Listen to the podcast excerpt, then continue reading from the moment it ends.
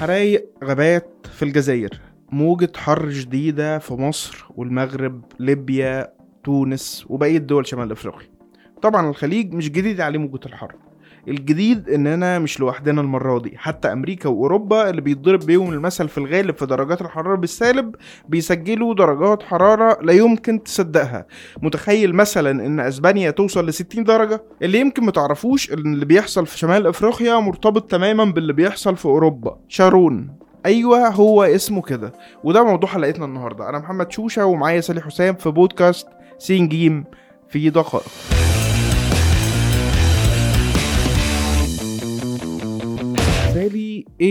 حوار الموجة الحارة اللي كلنا طالع عينينا بسببها حاليا. هي الأسباب بتختلف من منطقة للتانية. يعني مثلا في شمال أفريقيا وأوروبا الموجة الحارة اللي اشتغلت في يوليو 2023 اسمها شارون ودي وصلت درجات الحرارة فيها الأسابيع لمعدلات قياسية.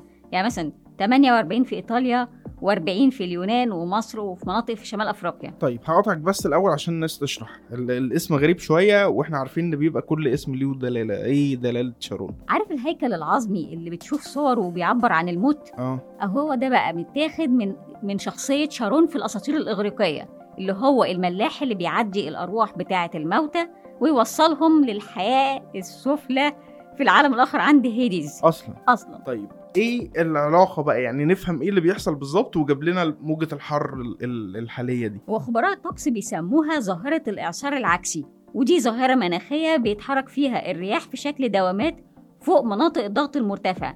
وبدأت من شمال أفريقيا وبعدين اتحركت على أوروبا. يعني إحنا اللي صدرنا لأوروبا درجات الحرارة. بالظبط كده. كويس. طيب آه، إيه اللي يخلي اعصار عكسي يسبب زيادة ال- الضخمة اللي إحنا عايشينها دي في درجات الحرارة؟ الإعصار المضاد اللي هو أو الإعصار العكسي بيبقى معروف إن هو نظام ضغط عالي بيتجه فيه الهواء الأسفل في اتجاه سطح الأرض.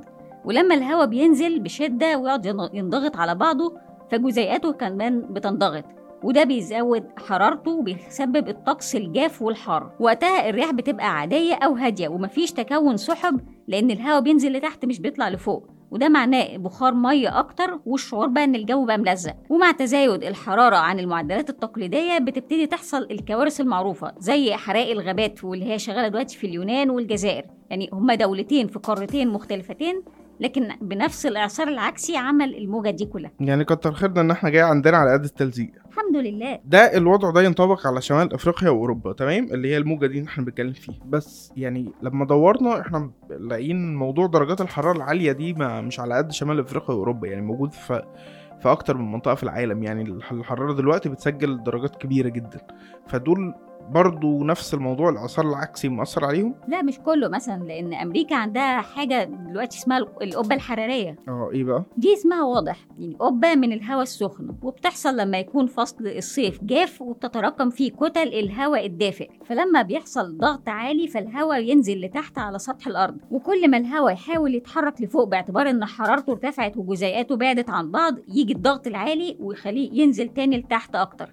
فينضغط بزيادة فتزيد درجات الحرارة أعلى وأعلى بقى. إحنا كده بنتكلم على العالم بيتشوي حرفيا يعني. فتمام إحنا كلنا عايشين درجة الحرارة وحاسين بالتفاصيل فمش هنتكلم عنها كتير. بس في تأثير متهيألي تاني اللي هو ليه علاقة بال... بالغذاء صح كده؟ أكيد طبعا. طيب فهمينا الموضوع ده أكتر. يعني الايكونومست دلوقتي بتقول إن في مخاطر على سلاسل الإمداد بتاعة المحاصيل الزراعية اللي إحنا أصلا عندنا قلق منها بسبب الحرب في أوكرانيا وتسببت في ارتفاع أسعار الحبوب والمنتجات الغذائية. فتخيل دلوقتي إن إحنا بقى في كوكب كله بيتعطل. اللي بيحصل دلوقتي الصين نفسها حصل عندها نقص في إنتاج الحبوب الصيفية لأول مرة من خمس سنين بسبب الحرارة المرتفعة. وكمان عندها مناطق تانية حصل فيها أمطار شديدة.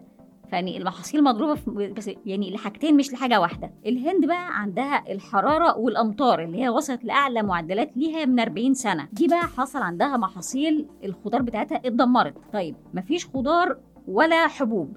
تعال نشوف السمك. الحرارة الشديدة بتخلي المزارع السمكية أو عمليات صيد الأسماك تتأثر لأن في أسماك مش هتستحمل درجات الحرارة المرتفعة دي. يعني ما مش مسوداها حبتين؟ لا دي تحذيرات وكالة الفضاء الأوروبية اللي قالت إن السنة دي في خطر على إنتاج الطعام بسبب الجو. طيب والعمل؟ هي دي بقى المعضلة.